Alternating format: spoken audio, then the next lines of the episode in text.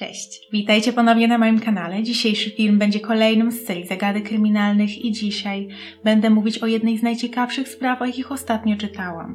Z tego co zauważyłam, nie ma na ten temat materiału w internecie, dlatego będę bardzo zaskoczona, jeśli ktoś z Was już o tym słyszał. Ja dowiedziałam się o tej sprawie od mojej przyjaciółki Kasi, która trafiła na nią zupełnie przypadkiem na Reddicie i bardzo się cieszę, że postanowiła mi o niej powiedzieć i dzisiaj mogę przedstawić ją Wam. Będzie to niewiarygodna historia Mary Doe i jeśli chcielibyście ją poznać, to zapraszam do oglądania. 2 marca 1978 roku pielęgniarka pracująca w domu opieki Queenwood East w niewielkim mieście Morton w stanie Illinois w Stanach Zjednoczonych prowadziła swój rutynowy obchód po placówce, mówiąc dzień dobry wszystkim rezydentom. Starsze osoby często nie odpowiadały, dlatego gdy nie usłyszała odpowiedzi z pokoju jednej z pacjentek, Mary automatycznie przeszła dalej. Jednak tym razem poczuła, że powinna cofnąć się i sprawdzić, czy u siedemdziesięciolatki wszystko w porządku. I niestety przeczucie było słuszne. Tej nocy kobieta zmarła. Oczywiście o tym poinformowane zostały władze placówki i normalna procedura nakazywała poinformowanie również rodziny, ale Mary nie miała żadnych bliskich. Jej ciało zostało skremowane i do redakcji lokalnej gazety wysłana została prośba o napisanie nekrologu. Przeważnie nekrologi umieszczane są dla rodzin, żeby mogły przeczytać kilka zdań o bliskim, który odszedł, ale tym razem było wiadomo, że nikt na niego nie czeka, przeczyta go tylko kilku nieznajomych. Zadanie umieszczenia informacji zostało przydzielone dziennikarzowi Rickowi Bakerowi, pracującemu dla magazynu Bloomington Pantagraph. Baker pracował w redakcji od wielu lat i pisanie nekrologów było dla niego zupełnie rutynowym zadaniem. Nie wiedział, że tym razem zmieni to jego życie na zawsze. Zaczęło się bardzo typowo. Skontaktował się z osobami pracującymi w ośrodku, w którym kobieta spędziła ostatnie lata życia, żeby uzyskać jakieś informacje, żeby mógł napisać o niej te kilka zdań. Nazywała się Mary Doe i zmarła 2 marca na zawał serca. Rok wcześniej straciła również wzrok i praktycznie nic więcej nie było o niej wiadomo. Nie było wiadomo skąd pochodziła, nie miała żadnych znanych krewnych i nawet jej data urodzenia nie była znana. Miała między 70 a 80 lat. Nawet imię i nazwisko, którym się posługiwała, nie było prawdziwe. Zostało jej nadane, gdy po raz pierwszy trafiła do placówki psychiatrycznej. Dla dziennikarza nie było to wystarczające, żeby móc coś o niej napisać. Oczywiście takie sytuacje już się zdarzały. W takich wypadkach nekrologie musiały być bardzo ogólne i niespersonalizowane, ale Rick Baker poczuł ogromne współczucie wobec kobiety i postanowił przywrócić jej imię i przeszłość. Stał się zdeterminowany, żeby poznać prawdę na temat tego, kim była, choć było oczywiste, że będzie to niesamowicie trudne zadanie. Zaczął od odnalezienia pierwszych wzmianek o Mary w dokumentacji. Okazało się, że ośrodek Queenwood East nie był pierwszym, do którego trafiła. Okazało się, że pamięć osób, które ją znały, sięga końca lat dwudziestych XX wieku, kiedy niespodziewanie pojawiła się na północy stanu Illinois. Była w złym stanie psychicznym i fizycznym. Widać było, że została pobita i możliwe nawet, że wykorzystana seksualnie. Nie mogła opowiedzieć, co dokładnie się z nią stało, nie wiedziała, jak się nazywa, skąd wzięła się na polnej uliczce i dokąd zmierzała. Miała zaburzenie katatoniczne, jeden z objawów choroby psychicznej polegający na stanach bezruchu, po których następują okresy podniecenia i ruchliwości. Stwierdzono, że ma około 25 lat.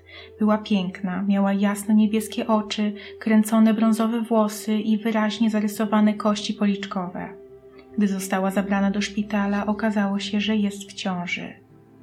Od 1932 roku mieszkała w placówce znajdującej się we wsi Manteno w północnej części Illinois. Następnie została przeniesiona do oddalonego o ponad 200 km szpitala psychiatrycznego w mieście Bartonville. W pierwszym ośrodku była znana jako Mary Doe, a gdy trafiła do kolejnej placówki, do nazwiska dodano człon 4, ponieważ w rejestrze były już trzy inne, niezidentyfikowane kobiety. Na pierwszy rzut oka jej nazwisko może wyglądać francusko, tak jakby wymawiało się je Dofer, ale tak naprawdę powstało przez połączenie dwóch słów. Doe, tak jak Jane lub John Doe, odpowiednik polskiego NN, nadawany osobom niezidentyfikowanym, oraz słowa four, czyli po prostu cztery. Była niezidentyfikowaną kobietą numer cztery. Było oczywiste, że doznała traum, które skutkowały wyparciem z pamięci całej przeszłości. Z czasem udało jej się powoli dochodzić do siebie, uspokoiła się i można było zauważyć, jaka była naprawdę zrównoważona i elokwentna. Niestety, ze względu na specyfikę tamtych czasów, nie mogła utrzymać pomocy, której potrzebowała. Była pod opieką psychologa, ale to nie pomogło w przypomnieniu sobie imienia i pochodzenia. Kilka miesięcy później urodziła dziecko i noworodek od razu został jej odebrany i najprawdopodobniej umieszczony w sierocińcu. Kobieta nie miała nawet okazji podtrzymać dziecka, nie wiedziała, czy urodziła chłopca czy dziewczynkę i nie mogła nadać mu imienia. Mniej więcej w tym czasie trafiła również do placówki Bartonville State Hospital, gdzie nadane zostało jej imię, które nosiła do końca życia Mary Daufort. Podobno kobieta próbowała tłumaczyć, że chce stanąć na nogi i rozpocząć samodzielne życie, że nie chce być w zamknięciu i że poradzi sobie z wychowaniem dziecka, ale ze względu na amnezję nie była traktowana poważnie, tylko jak kolejna chora psychicznie osoba, którą trzeba odizolować od społeczeństwa. Im większy opór stawiała, tym więcej leków jej podawano i stosowano nawet terapię elektrowstrząsową. Warunki, w których kobieta mieszkała w szpitalu Bartonville były nieludzkie. Całe dnie spędzała w małym pokoju bez toalety, a gdy w końcu prowadzano ją do łazienki, nie było tam nawet kranu, nie mówiąc o prysznicu. Nikt nigdy jej nie odwiedził i stopniowo kobieta traciła swoją charyzmatyczną i waleczną osobowość. Pracownikom ośrodka zależało tylko na utrzymaniu jej przy życiu. Nie było dla nich ważne to, że pod wpływem wielu zabiegów powoli wyniszczają jej psychikę. Mimo wszystko kobieta co jakiś czas miała przebłyski pamięci z przeszłości. W jednej z rozmów wspomniała o swoich dzieciach. Było wiadomo, że urodziła jedno, ale było jasne, że miała na myśli coś innego. Po dłuższej rozmowie możliwe było poskładanie faktów i okazało się, że kobieta najprawdopodobniej była kiedyś nauczycielką.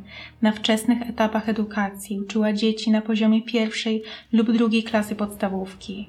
To wyjaśniało fakt, że była tak inteligentna i oczytana. Musiała mieć bardzo dobre wykształcenie, zwłaszcza jak na młodą kobietę 100 lat temu. Niestety, w latach 30. poszukiwania bliskich i rodzin osób przebywających w ośrodkach psychiatrycznych było trudne.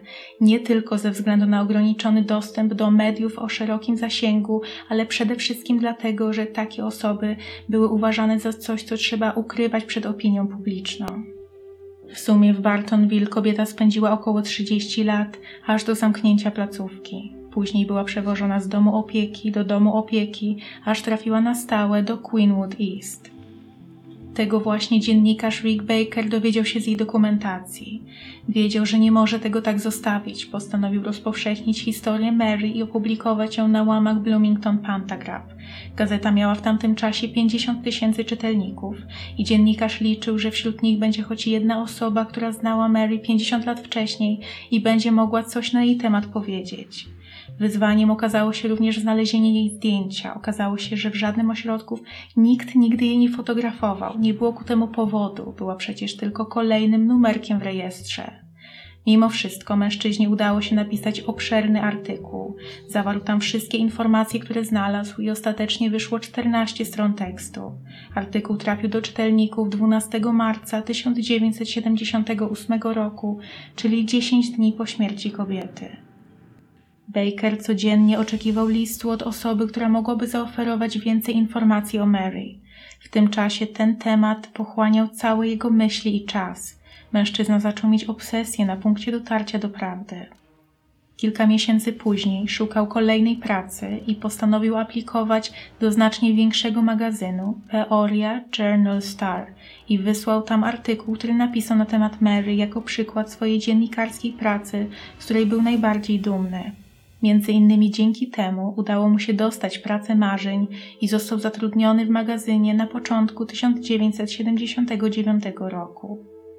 Już kilka tygodni później stało się jasne, że nowych przełożonych Bakera również bardzo zafascynował temat kobiety bez nazwiska, która zmarła 9 miesięcy wcześniej.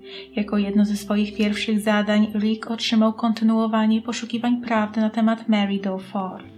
Niestety, mężczyzna wiedział, że będzie to niesamowicie duże wyzwanie, ponieważ bez znajomości i prawdziwego nazwiska trudno będzie znaleźć jakiekolwiek dodatkowe informacje. Mimo wszystko postanowił skontaktować się z Robertem Perrym, właścicielem zakładu pogrzebowego, do którego trafiła Mary.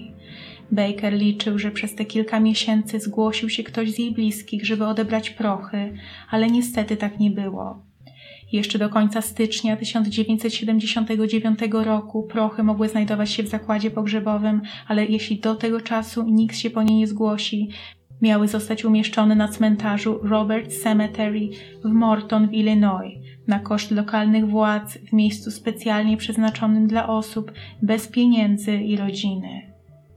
Dziennikarz postanowił wykorzystać to do opublikowania kolejnego artykułu, tym razem na łamach Peoria Journal Star, który miesięcznie czyta znacznie więcej osób, około 100 tysięcy czytelników. Przyniosło to pożądany efekt rozpowszechnienia wieści na temat Mary. Wkrótce jej historia została opisana w wielu innych gazetach, między innymi w Chicago Tribune, jednym z pięciu największych dzienników w Stanach Zjednoczonych, co sprawiło, że sprawa zyskała ogólnokrajowy rozgłos. W ciągu kolejnych dni do redakcji przyszły dwa listy i za każdym razem Baker miał nadzieję na nowe informacje, ale niestety oba dotyczyły tego, jak bardzo historia w artykule była poruszająca. Dopiero trzeci list przyniósł realną nadzieję na przełom. Został wysłany ze stanu Iowa, sąsiadującego z Illinois, i kobieta, która go napisała, powiedziała, że po przeczytaniu artykułu przypomniała sobie sprawę nauczycielki, która zaginęła w latach dwudziestych. Autorka przypomniała sobie, że tamta nazywała się Alice Zeiser albo Sizer i był to pierwszy raz, kiedy w sprawie Mary pojawiło się potencjalne nazwisko. Zniknięcie miało miejsce w stanie Iowa i możliwe, że właśnie dlatego poprzedni artykuł nie dotarł do właściwych osób. Zakładano, że Mary pochodziła z tego samego stanu, w którym została znaleziona. Alice była bardzo pogodna i jej zniknięcie było zaskoczeniem dla wszystkich, którzy ją znali. Nic nie wskazywało na to, że mogłaby chcieć dobrowolnie wyjechać. Miała kochającą rodzinę i pracę, którą uwielbiała. Autorka listu nie wiedziała nic więcej na jej temat, ponieważ nie była członkiem rodziny nauczycielki. Dziennikarz wiedział, że będzie to jedyna i największa poszlaka, jaką dostanie, i był to zbyt duży zbieg okoliczności, żeby móc go zignorować. Pojawiło się więc jedno zasadnicze pytanie: czy Mary Ford to tak naprawdę była Alice Sizer? Baker zaczął od skontaktowania się ze szkołą, w której pracowała kobieta. Minęło 50 lat, więc odnalezienie osób, które ją pamiętały, graniczyło z cudem. Mimo początkowego oporu ze strony obecnych pracowników, ostatecznie udało się skontaktować z osobami, które od lat były na emeryturze, ale które pamiętały Alice. Baker dostał nawet numer telefonu do jednego z przyjaciół kobiety imieniem Harry. Od początku rozmowy telefonicznej z tym mężczyzną można było zauważyć, że jest bardzo niezadowolony z rozdrapywania ran sprzed ponad pół wieku. Wysłuchał oczywiście wszystkiego, co dziennikarz miał do powiedzenia na temat okropności, które spotkały Mary w szpitalach, a później przyznał, że rzeczywiście znał osobę pasującą do tego opisu. Ale nie miała ona na imię Alice, a Anna. Anna Myrtle Sizer, a Alice była jej siostrą. Zapytany skąd tak wiele wie i pamięta na temat tych kobiet, przyznał, że nazywa się Harry Sizer i że jest ich bratem. Opowiedział kilka słów na temat Anny, to, że była wybitną uczennicą, ale że nie mogła liczyć na pomoc finansową ze strony rodziny. W domu się nie przelewało, dlatego musiała sama zapłacić za swoją edukację. Chciała ukończyć Cornell College, prywatną szkołę sztuk wyzwolonych w Iowa, ale musiała przerwać naukę i pójść do pracy na kilka lat, żeby na to uzbierać. Dlatego właśnie dorabiała jako nauczycielka i opiekunka w szkole podstawowej. Miała w planach powrót na studia, ale nigdy nie miała okazji tego zrealizować. Zdaniem Harego Anna nie mogła być kobietą, której szukał dziennikarz, ponieważ została zabita jesienią 1926 roku. Baker był oczywiście bardzo rozczarowany tymi wieściami, ale postanowił jeszcze upewnić się, że Harry mówi prawdę, a nie tylko swoją teorię na temat tego, co stało się z siostrą. I tym razem przeczucie dziennikarza go nie myliło. Okazało się, że nie było żadnych dowodów i dokumentów potwierdzających to, co stało się z Anną, więc nadal istniało prawdopodobieństwo, że trafiła do stanu Illinois i stała się Mary Ford. Anna ostatni raz była widziana na przystanku pociągu w okolicach miejscowości Cedar Rapids. Później już nikt więcej jej nie widział i mimo starań policji i rodziny nie udało się jej odnaleźć, nawet po tym, gdy wynajęty został prywatny detektyw. Niechęć Harego do powrotu do rozdziału w życiu, który zamknął kilka dekad wcześniej, była zrozumiała.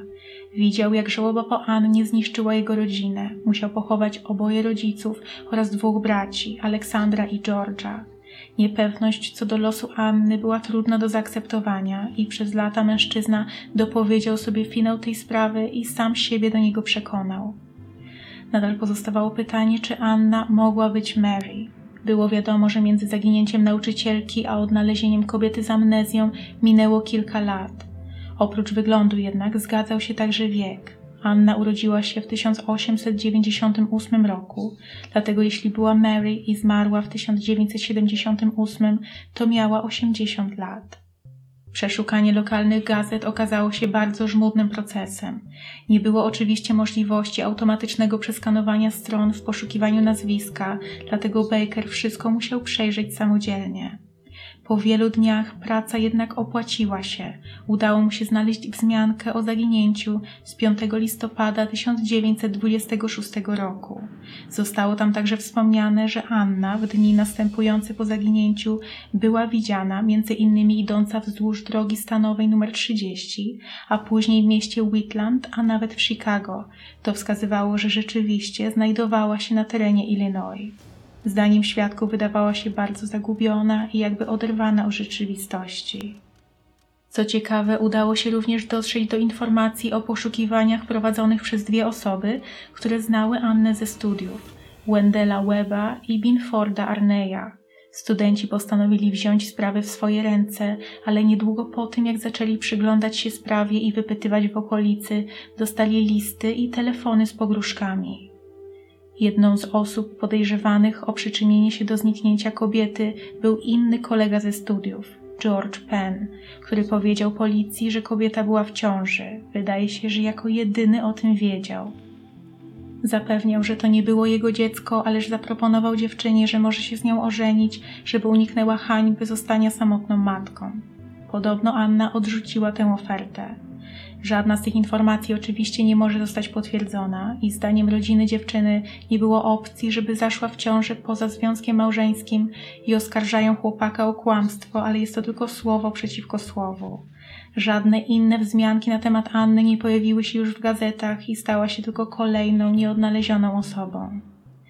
Bakerowi udało się również trafić na informacje na temat lekarza, który w 1926 roku pracował w Cedar Rapids, czyli tam, gdzie Anna ostatni raz była widziana. Mężczyzna został zatrzymany w związku ze śmiercią młodej kobiety, Ewy Thompson, podczas zabiegu nielegalnego przerwania ciąży.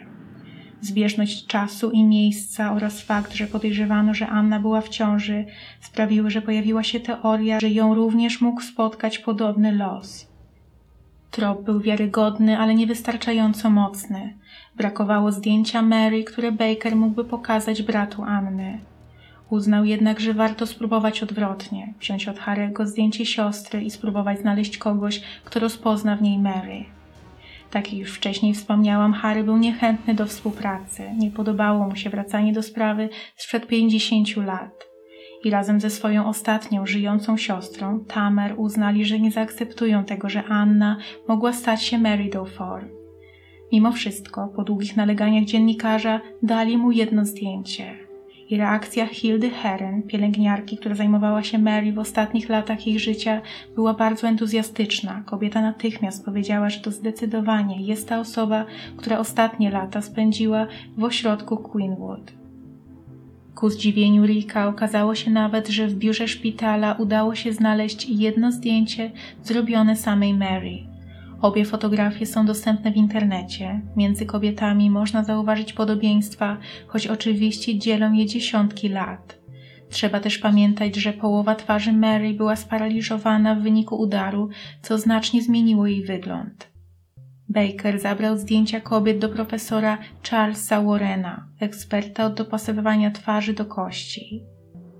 Ponieważ Mary została skremowana, taka analiza była niemożliwa do wykonania. Jedyne co pozostawało do dyspozycji to właśnie fotografia. Mimo wszystko profesor zgodził się pomóc, ponieważ historia bardzo go poruszyła.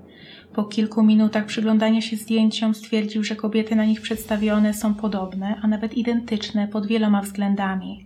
Między innymi mają takie same podbródki, kości policzkowe, ogólną budowę twarzy i teksturę włosów. wydał swoją ostateczną opinię i powiedział, że nie da się jednoznacznie stwierdzić, że jest to ta sama osoba. Choć dziennikarz odniósł wrażenie, że on uważa, że tak, tylko jego profesjonalizm nie pozwala mu na wydanie takiego ostatecznego zdania bez niepodważalnych dowodów. Wkrótce udało się także ustalić, że pierwsza placówka, do której trafiła Mary w 1932 roku, tak naprawdę mogła nie być pierwsza. To wyjaśniałoby tę sześcioletnią różnicę między rokiem, kiedy Anna zaginęła, a kiedy Mary została znaleziona. Najprawdopodobniej wcześniej przebywała w szpitalu Kankaki State Hospital. W tamtejszym rejestrze znajdowała się kobieta, która w 32 została przeniesiona. Nie było jednak informacji, kiedy została przyjęta. Możliwe, że w 26. Niestety, gdy Baker poprosił o więcej informacji, został odprawiony z kwitkiem. Tamtejsze władze nie chciały współpracować.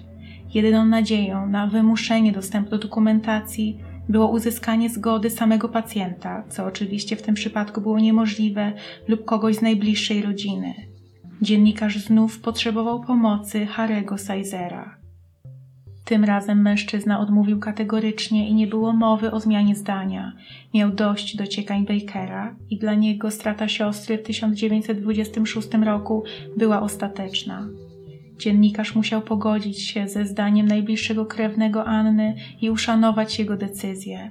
Niechętnie oddał zdjęcie, które wcześniej pożyczył i na tym sprawa się zakończyła.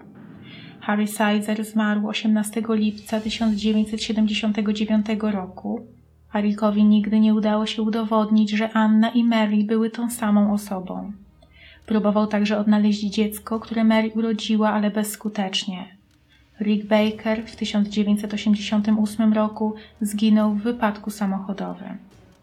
Sprawa do dziś pozostaje nierozwiązana, choć wydaje się, że wystarczyłoby tylko kilka dodatkowych badań, żeby poznać prawdę, ale one ze względu na okoliczności były niemożliwe do wykonania.